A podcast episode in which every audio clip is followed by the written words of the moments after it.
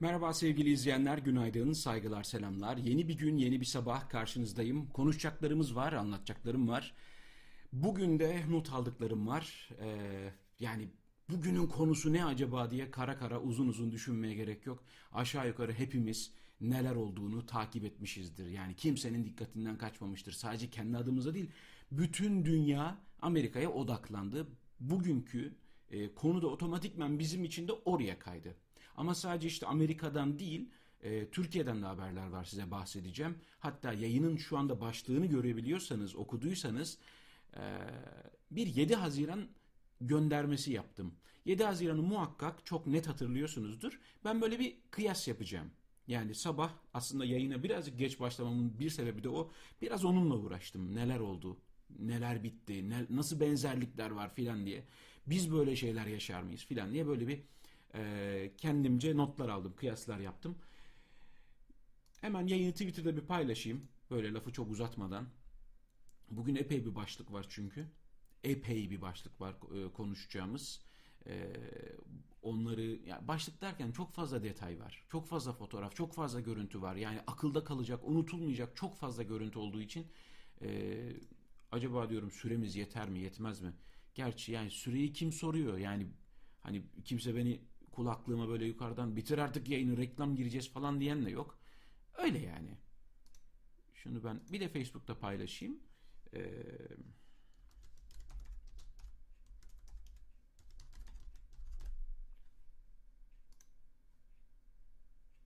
evet onu da başardım. Bunlar çok önemli başarılar benim için. Tekrardan hoş geldiniz. Nasılsınız? iyi misiniz? Ee, beni soracak olursanız gördüğünüz gibi. Gördüğünüz gibi hala e, kamerayı açıp yayına girebilecek kadar sağlığım yerinde. E, bunu da sürdürebildiğim sürece kendimi çok başarılı hissedeceğim. Ses mono geliyor. Anladım. Hemen düzeltiyorum. Haklısınız. Ben onu hatırlatanlara teşekkür ederim. Ee, sebebini biliyorum. Kendim hakkında gerekeni şimdi yapıyorum.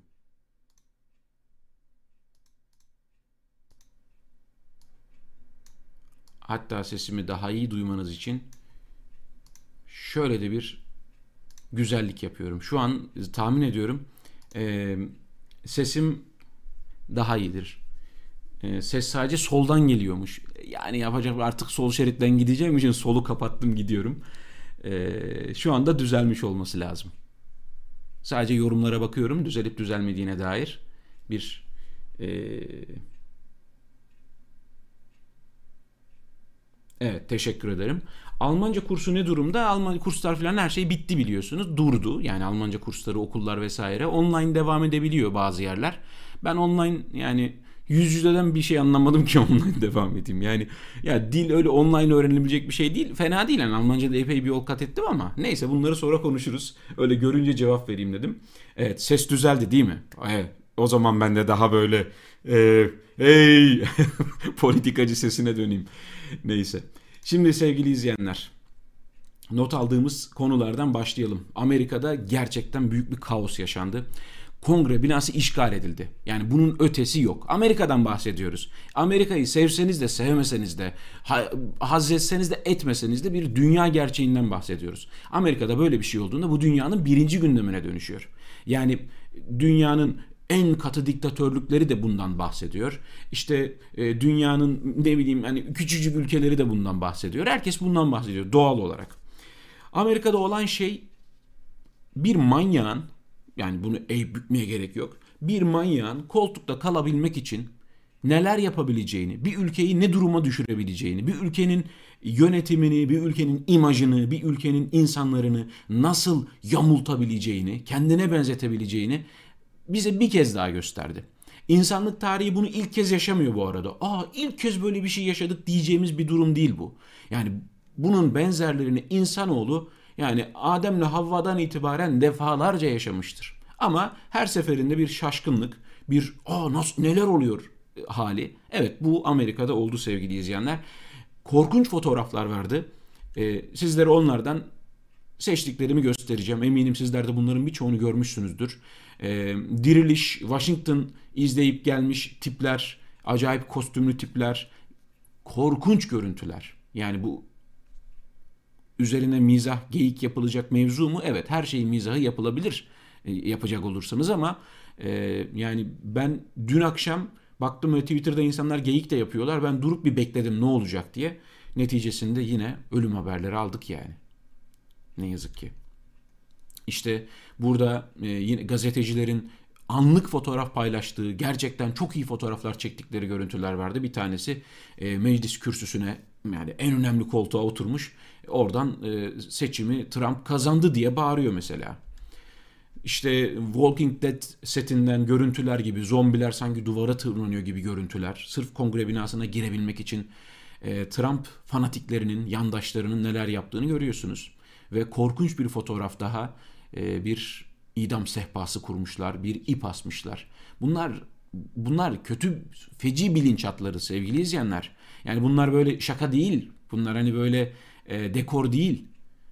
Yani engellenmezse, durdurulmazsa, öne alınmazsa ırkçılığın, faşistliğin, e, radikalliğin, gerizekalılığın nelere sebep olabileceğini, cahilliğin nelere sebep olabileceğini görmemiz açısından çok önemli ipuçları bunlar.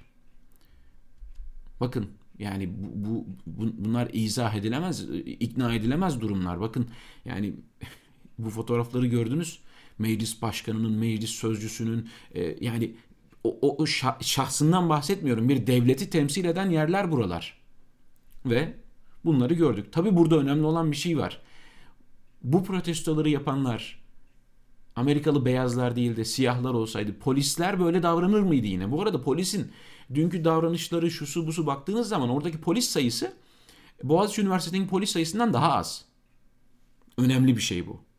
Ee, ve normalde polisin orada yaklaşımı silah kullanmamak için özen göstermesi güzel bir şey. Yani bu, bu takdir edilecek bir şey. Ama polis aynı özeni hani göçmenlere, siyahlara karşı da kullanır mı? Zaten Amerika'daki temel problem de bu. Ya o küçücük denge küçücük değil. Bu dengesizlikler, bu terazideki ayar bozuklukları neticesinde ortaya bunu çıkarıyor.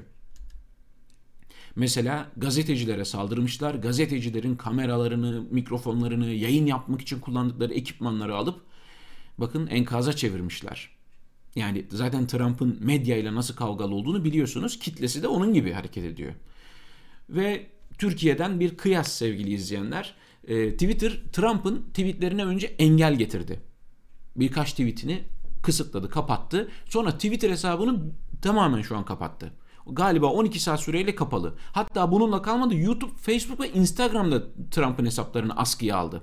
Çünkü yaptığı açıklamalar kitleyi, o fanatikleri sakinleştiriyormuş gibi yapıp diğer taraftan kutsal seçim zaferimizi bilmem ne falan hala böyle kutsallık bilmem ne pompalıyor.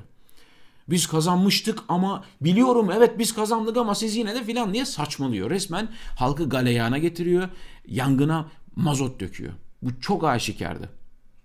Ve Twitter gerekeni yaptı. Bu tweetini önce Twitter retweet, alıntı yapma, yorum ya her şeye kapattı. Sonra da dediğim gibi hesap engellendi. Ee, Hilal Kaplan hani Twitter'ın canlı yayında suratına suratına hakaret ettiği, böyle suratına suratına ayakkabının böyle köselesiyle vurduğu ama surat kösele olunca ayakkabı ne yapsın? Yani bir işe yaramadığı Hilal Kaplan, e, parantez içinde ünlem işaretiyle gazeteci, Twitter Trump'ın son tweetini yalan diye işaretlemekle kalmadı. RT Fava'da kapattı. Amerikan başkanına yaptıklarını günü gelince ülkemizde de uygulayacaklarını bilelim. Eğer sizin ülkenizde de böyle yalancı, böyle sahtekar, böyle üç kağıtçı, böyle koltuğundan inmemek için halkı birbirine kırdırabilecek kadar ahlaksız, vicdansız, o tıynette bir başkan olursa, Twitter'da böyle bir şey yaparsa biz Twitter'a teşekkür ederiz. Ama siz Twitter'ın böyle bir şey yapmasına müsaade etmeden büyük ihtimal Twitter'ı kapatırsınız zaten. Ne diyorsunuz ya? Böyle bir yalancının, sahtekarın tweetinin engellenmesi sizi neden rahatsız ediyor? Nerenize dokundu? Nerenize, nerenize battı Twitter'ın bunu yapması? Mesela. Ya görüyorsunuz değil mi sevgili izleyenler? Bilinçaltı diyorum ya. Bilinçaltı birbirine benzeyen bilinçaltıları bunlar. Yani böyle bu hani sadece Amerika'da olan bu aa, bizim ülkemizde böyle şeyler oluyor mu? Olur mu? Ol, ya biz ülkemizde ne konuşuyoruz? İki, iki gündür, üç gündür neleri konuşuyoruz? Öğrenciler protesto yaptılar diye 36 kişi gözaltına alındı. Ne biçim gözaltına alındıklarını görüyorsunuz değil mi? Gece konuda oturan gençlerin evlerinin kapılarının nasıl kırıldığını görüyorsunuz değil mi? Elitmiş, zenginmiş, görgüsüzmüş, bilmem neymiş. Yok batılı, bilmem ne falan. Gece konduda oturuyorlar. Sarayda oturan, ejder meyveli smoothie tüketen, 8 uçağı olan insanlar gariban vatandaşa elit diyor işte.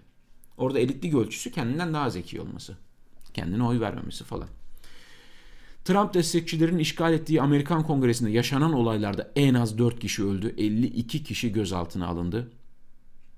Yani 4 insanın öldüğü ve belki de bu sayının artacağı ve korkarım artacağı bir yerde mizah yapılacak durum yok ne yazık ki.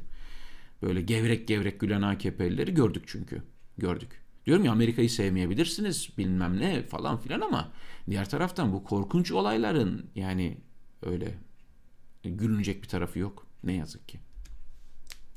Ve daha da güncel bilgisi 4 kişinin hayatını kaybettiği, 14 polisin yaralandığı, 52 kişinin gözaltına alındığı 2 adet boru tipi el yapımı bomba bulunduğu açıklandı. Yani tabii ki kongre sonra güvenlik sağlandığı yeniden işte bu e, Trump'ın kaybettiği Biden'ın kazandığı seçimin tescil edileceği toplantıya devam ettiler. Ama geride böyle bir enkaz kaldı. Gazeteci diyor ki Trump taraftarlarına sordum diyor. E, sivil iç savaş mı istiyorsunuz dedim diyor. Çünkü üzerlerindeki sivitlerde e, iç savaş yazıyor. Civil war yazıyor. İç savaş mı istiyorsunuz diye sordum. Evet dediler diyor. Yani koltuğunu kaybetmemek için neler yapabileceğini bir manyağın buradan görelim. Profesör Savaş Genç e, yine bir göstericinin konuşmasını Türkçe'ye çevirmiş bizim için sağ olsun. Biraz önce Trump seçmeni kadın ona canım feda, o giderse ülke batar dedi. Zeka yoksunu despotlar, vatan sevgisi, din ve ırkçılık iksiriyle kitleleri büyüleyebiliyorlar. Din, ülke, dava, ırk vesaire gibi değerlerle bir despotu özdeşleştirip canlarını feda etme evresine geliyorlar. Aa dünden bir haberi burada unutmuşum sevgili izleyenler. Tüh gördünüz mü? Okuyalım. Dicle Üniversitesi Almanca bölümü öğretim üyesi Demirden Erdoğan'a sana ömrümden ömür vermek isterim isimli 100 kıtalık şiir. Geri dönelim mi? Trump seçmeni kadın ona canım feda o giderse ülke batar dedi. İki resim arasında herhangi bir fark görebiliyor musunuz? Göremiyorsunuz, göremiyoruz. Çünkü temel motivasyon aynı. Beyin aynı yerden çalışıyor ya da beyin değil de oturdukları yerden oturdukları yerleriyle düşünüp yazıyorlar. Hilal kaplanları falan filan da dahil edebilirsiniz. Trump ifadelere bakar mısınız? Kutsal bir seçim zaferi çok uzun sürelerdir haksızlığa uğrayan. Bak. Ve kötü davranılan bu harika vatansever insanlardan kabaca ve acımasızca alındığında olacak şey de budur. Yayının başlığını tekrar hatırlatıyorum size. Bu iş huzur içinde çözülsün. Öncesi ne o cümlenin? 400 milletvekilini verin bu iş huzur içinde çözülsün. Geleceğiz şimdi. Sevgi ve barış içinde evinize gidin. Bugünü sonsuza dek hatırlayın. Kutsal diyor, seçim zaferi diyor, harika vatansever insanlar diyor. Acımasızca ellerinden alınan seçim zaferi kutsal. Yani. Ya tabirler, kullanılan ifadeler ve İbrahim Kalın, İbrahim Kalın yani bütün bu işte AK Partililerin şunların bunların hepsinin özeti aslında Amerika'yı endişeyle takip ediyoruz demiş. Evet. Kendi ülkesinde Anayasa Mahkemesi'nin kararlarının uygulanmadığı, Avrupa İnsan Hakları Mahkemesi'nin kararlarının uygulanmadığı, seçilmiş belediyelere, belediye başkanlarına, milletvekillerine kayyumların atandığı, ülkenin en özgür olması gereken, en kaliteli kurumları olması gereken üniversitelere bile kayyumların atandığı, hamile kadınların, yeni doğum yapmış kadınların doğumhanede kelepçelendiği, tutuklandığı ülkenin Cumhurbaşkanlığı sözcüsü Amerika'yı endişeyle takip ediyormuş. Evet. Şimdi gelelim benim yayının başlığı olarak seçtiğim konuya. Amerika'nın 7 Haziran'ı. Bu iş huzur içinde çözülsün. Türkiye bir 7 Haziran seçimleri yaşadı sevgili izleyenler. 7 Haziran 2015 seçimlerinde AK Parti tek başına iktidar olacak çoğunluğu kaybetti. Seçimden hemen önce Recep Tayyip Erdoğan Cumhurbaşkanı olarak mitingler yapıyordu. Evet kendisi bir cumhurbaşkanıydı. E, AK Parti için miting yapıyordu. O sırada Başbakan Ahmet Davutoğlu'ydu. Hafızamızı tazeleyelim. Erdoğan seçimden önce yaptığı bir mitingde bir konuşmada şöyle demişti. 400 milletvekilini verin ve bu iş huzur içinde çözülsün. 400 milletvekilini verin bu iş huzur içinde çözülsün. Hatırlayalım. Bu da Akit'in manşetiydi. Bu ifadeyi kullanan da ee, Burhan Kuzu galiba. Yanlış mı hatırlıyorum? Burhan Kuzu. Evet. Bunu bu ifadeyi kullanan da Burhan Kuzu. Sonra 7 Haziran seçimleri oldu ve neler olduğunu sizlere kısaca hatırlatacağım. Neler olduğunu tek tek e, söyleyeceğim. Böyle kronolojik ilerleyeceğim sevgili izleyenler. Hani Amerika'da Trump koltuğu kaybetmek için neler yaptı? Türkiye'de neler oldu?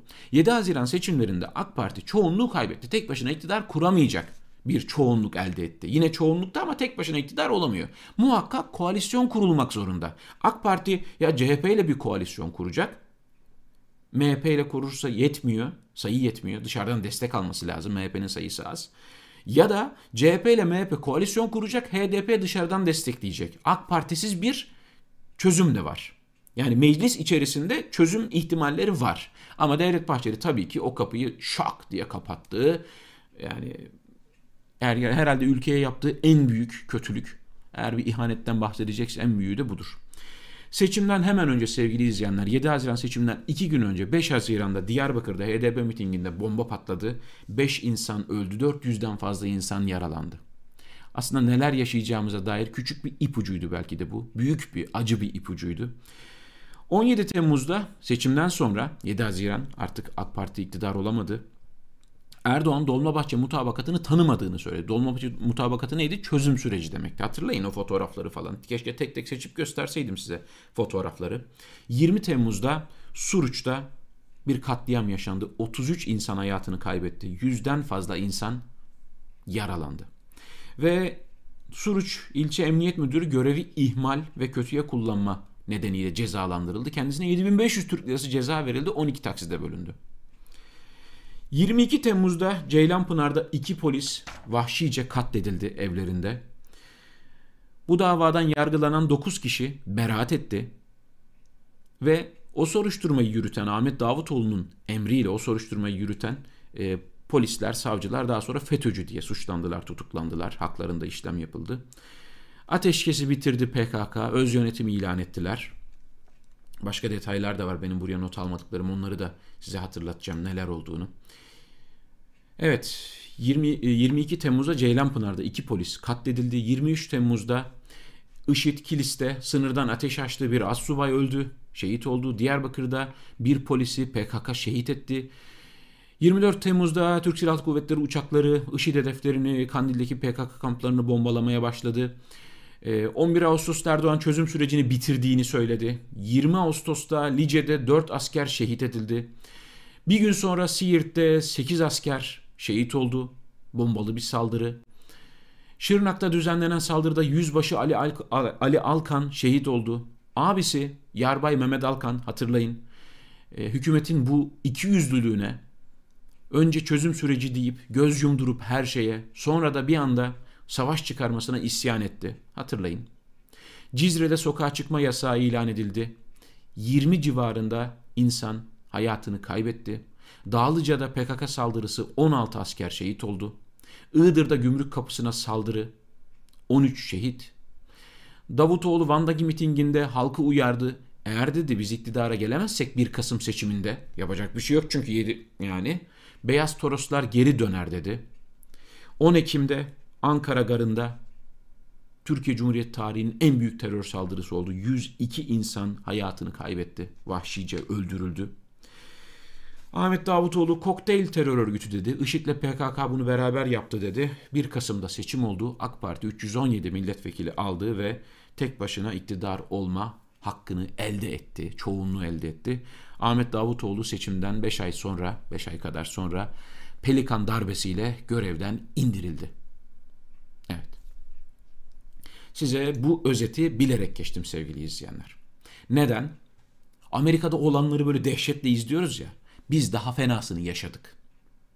Koltuğunu bırakmak istemeyen, koltuktan vazgeçemeyecek bir politikacının, kirlenmiş bir politik zihniyetin, politik grubun neler yapabileceğini biz çok daha acı şekilde gördük. Bunlar öyle tesadüfen yanlışlıkla olmuş şeyler değil. Ve geldiğimiz noktada neleri konuşuyoruz? Geldiğimiz noktada biz işte işte Amerika'yı endişeyle izliyoruz. Muşuz endişeyle izliyormuşuz. Türkiye'de neler olduğunu unutup böyle ahkamlar kesebiliyorsunuz. Amerika, ümit ederim Amerika bu kaosu ucuz atlatır. İnşallah ölü sayısı artmaz. İnşallah ucuz atlatırlar. Çünkü dünyada demokrasinin aldığı her darbe, dünyanın herhangi bir yerinde demokrasinin aldığı, dünyanın herhangi bir yerinde ırkçıların, faşistlerin kazandığı her mücadele, her mevzi e, demokrasi için, dünyadaki bütün insanlar için çok büyük bir tehdit, çok büyük bir tehlike. Bunları da hatırlatmak istedim sevgili izleyenler. İstanbul seçimlerini de hatırlatayım mı tekrardan? İstanbul Büyükşehir Belediye Başkanlığı seçimlerini nasıl kabul etmediklerini, iptal ettirdiklerini. Seçim akşamı Anadolu Ajansı'nın şu haberi, şu tweet atan Anadolu Ajansı'nın seçim sonuçlarını girmemek, vermemek için neler yaptığını, ne taklalar attığını. İstanbul'u vermemek için bunu yaptılarsa, olur da sarayı kaybetme ihtimali olursa, aklımızdan geçen kötü ihtimallerin gerçekleşmemesini istiyorum. İnşallah e, olur da Türkiye'de doğru düzgün bir seçim olursa halk da bu kötü gidişata dur demek isterse inşallah birileri çıkıp da Amerika'dakilerin yaptıklarından çok daha korkuncunu size, bize, ülkemize yaşatmaz. Evet, Amerika'yı endişeyle izleyen Türkiye'den haberler. Çok harika bir karikatür. Boğaziçi Üniversitesi'ne bir kelepçe takılmıştı Boğaziçi Üniversitesi'nin kapısına. Ee, o kelepçeyle alakalı tabii ben demiştim yani bu kelepçeyi takan polisler müthiş bir fotoğraf verdiler demiştim. Kelepçeden rahatsız olan aa ulan çok kötü bir şey yaptık diyenler hemen e, bu hürriyetten alınmış bir haber. Toygun Atilla kendisi gerçekten çok iyi bir polis muhbiridir. Ay pardon muhabiridir. E, polis şefleri de itiraz etmişler bu kelepçeli fotoğrafa. Hemen sökün bunu niye takıyorsunuz falan diye kızmışlar takan polislere. Sonra bu beyefendi bazı polis şefleriyle konuşmuş. E, FETÖ ihtimali varmış. Evet bu oraya kelepçeyi FETÖ taktırmış olabilirmiş. Sırf polisi kötü göstermek için, devleti kötü göstermek için. Evet. Değil mi? Çok çok zekice ya. Çok zekice. Normalde hakikaten böyle pamuk şeker gibi insanlar bunlar. Ya normalde hiç öyle şeyler olmuyor. Her şey çok iyiydi, çok güzeldi, çok böyle medenice ilerliyordu. Ee, işte o kapıya takılan kelepçe her şeyi bozdu. Tabii ki bunda FETÖ yapmıştır yani. Öyle diyorlar. Devlet Bahçeli Boğaziçi Üniversitesi'ne yasal yollardan rektör atanmış ve konu kapanmıştır. Boğaziçi Üniversitesi acilen ve derhal kapatılmalıdır. Evet, kimin kapatılması gerektiğini biliyoruz yani. Türkiye'nin bugün 2021'de bu durumda olmasının baş aktörü, baş sebebi işte fotoğrafta gördüğünüz şahıs yani. Ne hortumu, kanalizasyon borularını bağladılar. Ya. Gelin uçak gemisi yapalım. Hayda iyi de birader bunun konuyla ne alakası var? Nereden nereye geçiyorsun? Sayın Cumhurbaşkanımızın 8 tane uçağı varmış sevgili izleyenler. Uçak gemisi yapılmasını acaba bu yüzden mi istiyor? 8 VIP uçağı var. Sadece Cumhurbaşkanlığının 8 uçağı var. Biliyorsunuz bizde bütün bakanların uçakları var neredeyse. Uçağı olmayan bakan yapmıyorlar. Tabi tabi o böyle şey olarak geliyor. Ürünle birlikte hediye olarak geliyor. Bakanların uçakları var. MIT'in uçakları var. Herkesin uçakları var. Kıbrıs'a zaten uçak filosuyla, Kıbrıs'a bile uçak filosuyla gidiyoruz yani. Eleştirdiğimiz mal manyak dediğimiz Trump'ın dahi toplam iki uçağı var sevgili izleyenler. Amerika Birleşik Devletleri Başkanı'nın iki uçağı var. Amerika Birleşik Devletleri Başkanı'na tahsis edilmiş. Merkel'in bir tane uçağı var. O da geçenlerde bozulmuştu, arızalanmıştı. O yüzden normal Lufthansa ile mi ne gittiler bir toplantıya. Sonra o uçak arıza yapınca baktılar olacak gibi değil. Ee, şey meclis e, Amerikan şey Alman başbakanına, Alman şansölyesine bir uçak alın dediler ve yani düşün yani bizim Cumhurbaşkanımızın kullandığı uçakları üreten e, Almanya'dan bahsediyoruz yani. Öyle 8 uçağı varmış. Tabi. Kirli kampanya bunlar tabi. Yani 75 milyon SMA'sız çocuklara git. Bu kirli kampanya. Bu büyük ahlaksızlık. Buyurun size ahlaksızlık. Açlıktan ölen vatandaşların olduğu, açlıktan, yokluktan, yoksulluktan, umutsuzluktan intihar eden annelerin, babaların olduğu ülkenin cumhurbaşkanının 8 uçağı var. Katar emiri uçak hediye ediyor bilmem ne falan filan. Yani hatırlatayım bunları sadece. Hat, hani Amerika'yı endişeyle izleyenler bunlar sevgili izleyenler. Endişeyle izliyoruz Amerika'yı. Yani itidale davet ediyoruz bütün şeyleri. Yavuz Baydar bir soru sormuş sevgili izleyenler. Biontech yöneticisi Profesör Uğur Şahin, Türkiye'ye 550 bin doz aşı ayrıldığını, 25 bin doz aşının da gönderildiğini söyledi geçenlerde. Ses seda yok. Bu 25 bin aşı nerede, kimlere yapıldı? Cevap var mı? Kimlere yapılmış olabilir sevgili izleyenler? Bu ilk gelen 25 bin doz aşının kime yapıldığını tahmin ediyorsunuz. Var mı bir aklınıza beliren bir ihtimal? Ya. Çağhan Kızıl o da bir soru soruyor. Diyor ki Oxford aşısı onay aldı. Bu aşıdan neden almıyorsunuz Sayın Fahrettin Koca? Hakikaten neden almıyorsunuz? Maliyeti de doz başına Çin'den sipariş ettiğimiz Sinovac aşısının yaklaşık 9'da biri. Birisi 75 dolar. Lütfen bölün 9'a. Yoksa kirli oyunlar mı var burada da, orada da? Burada da mı kirli kampanyalar var? Ne oluyor? Siz neden daha üçüncü faz denemeleri yapılmamış, sonuçları çıkmamış, Çin'in bile kendi ülkesinin bile onay vermediği bir aşıyı 75 dolarlık bu kadar pahalı bir aşıyı alıyorsunuz da ondan çok daha ucuz olan böyle aşıları üstelik onay almış. Bütün faz çalışmaları tamamlanmış aşıları almıyorsunuz. Ya. Evet, döndük aynı yere geldik. Bunlar da sevgili izleyenler diğer aldığım notlarmış. Yani böyle bir size özet geçeyim dedim. Yani neler olduğunu, yani şu, şu korkunç görüntüleri hep beraber gördük. Bu dakikalarda Twitter'a bir kez daha bakayım. Yani son son bir gelişme, bir olay, bir olağanüstü bir durum var mı diye e, geçen dakikalar içerisinde.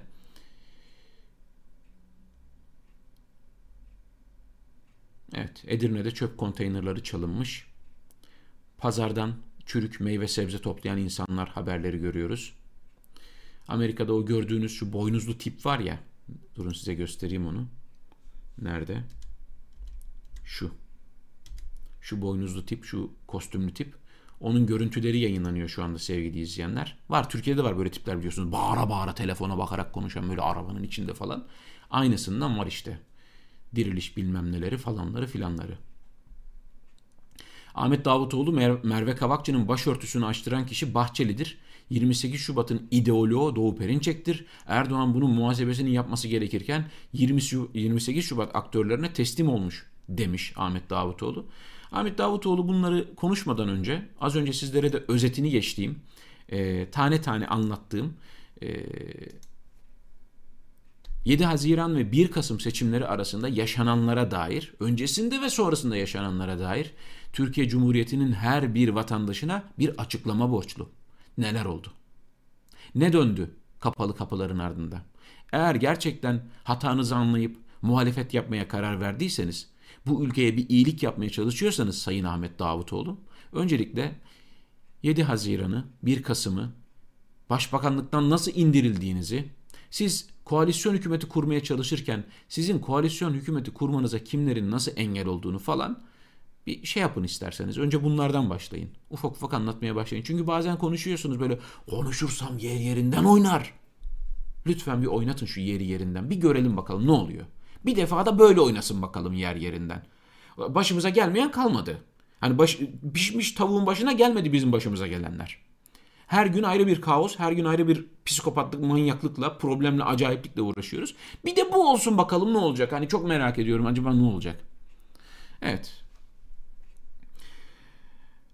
Böyle sevgili izleyenler, Amerika'da olanları Türkiye'de olanlarla şöyle bir e, kıyaslamak istedim sizlere. E, Allah bizim ülkemizi böyle manyaklardan, böyle psikopatlardan, yalancı sahtekarlardan, koltuktan kalkmak istemeyecek manyaklardan korusun.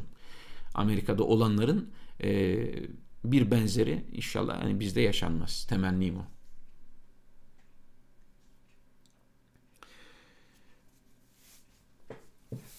Evet, mezardakileri kaldırıp oy attırın lafını da hatır... Valla kim söylediyse onu hatırlatın.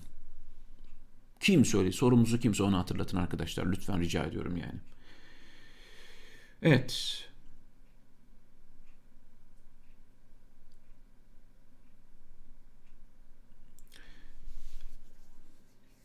Evet. Bu adam FÖTÖ'nün kanallarında gezmiyor muydu zamanında? İşte yani geri zekalı. Evet, şöyle engelleyelim güzelce. Müsaadenizle mal demek istiyorum kendisine bu arkadaşın. Aynı kafa, aynı beyin aynen devam ediyor. Sizi böyle daha çok döverler. Sizi daha böyle çok falakaya yatırırlar. Siz bu kafayla bunu böyle beyinleri böyle çalışanlara söylüyorum. Böyle döndürün kafayı orada. Döndürün çok güzel. Çok güzel. Harika. Size bir Tayyip Erdoğan az bile yani. Yani ya yazık. Çok yazık. Artık artık e, yani artık öfkelenmek, sinirlenmek, üzülmek, acımak bu duyguların hepsini birden yaşıyorum. Ülkeme üzülüyorum yani kendi adıma değil yani ben yaşayacağımı yaşadım canım yani. Başıma gelecek ne varsa geldi yani. Ee, geldi ya ben bir ülke kaybettim geri ne zaman dönerim döner miyim bilmiyorum yani. Ama o ülkede yaşayan masum çocuklar var, masum insanlar var. O ülke ülkemizin geleceği var. Tek derdim o. Vallahi tek derdim o. Başka başka bir şey istemiyorum. Yani şöyle özgür, mutlu, huzurlu günler görelim. Göresiniz, görün. Türkiye'de yaşayanlar için söylüyorum. Ben o özgür, mutlu ve güzel günleri uzaktan seyretmeye razıyım. Bunu da o kadar içimden gelerek söylüyorum ki. içim acıyarak söylüyorum ama razıyım yani. Neyse. Kime ne anlatalım, kime ne laf söyleyelim yani. Bugünlük bu kadar sevgili izleyenler. Gördüğünüz gibi suç 2020 yılında değilmiş. 2021, 2021'de de herhangi bir maharet, herhangi bir özellik yokmuş. Döndük dolaştık aynı şeyleri yaşamaya devam ediyoruz. Eğer biz insanlar olarak, biz topluluk olarak, toplum olarak bir şeylerin değişmesi için bir irade göstermezsek, küçücük kıpırtılar sergilemezsek, bunu yine de söyleyeyim yani kendinizi riske atmadan, yani Türkiye şartlarında böyle kimseye buradan ahkam kesilecek bir durum yok. Yani görüyorsunuz neler olduğunu.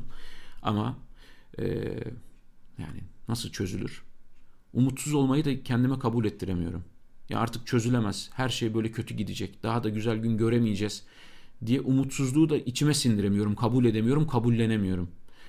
Yani öyle. Yarın Türkiye saatiyle 10'da yani inşallah yarın bugünden daha iyi bir gün olur artık böyle hani kıyasımızı bugüne göre yapalım yapacak bir şey yok. Çok iyi temennilerde bulunmak insanı bazen yoruyor. En azından bundan daha iyi bir gün olur konuşabilecek daha iyi bir şeyler buluruz.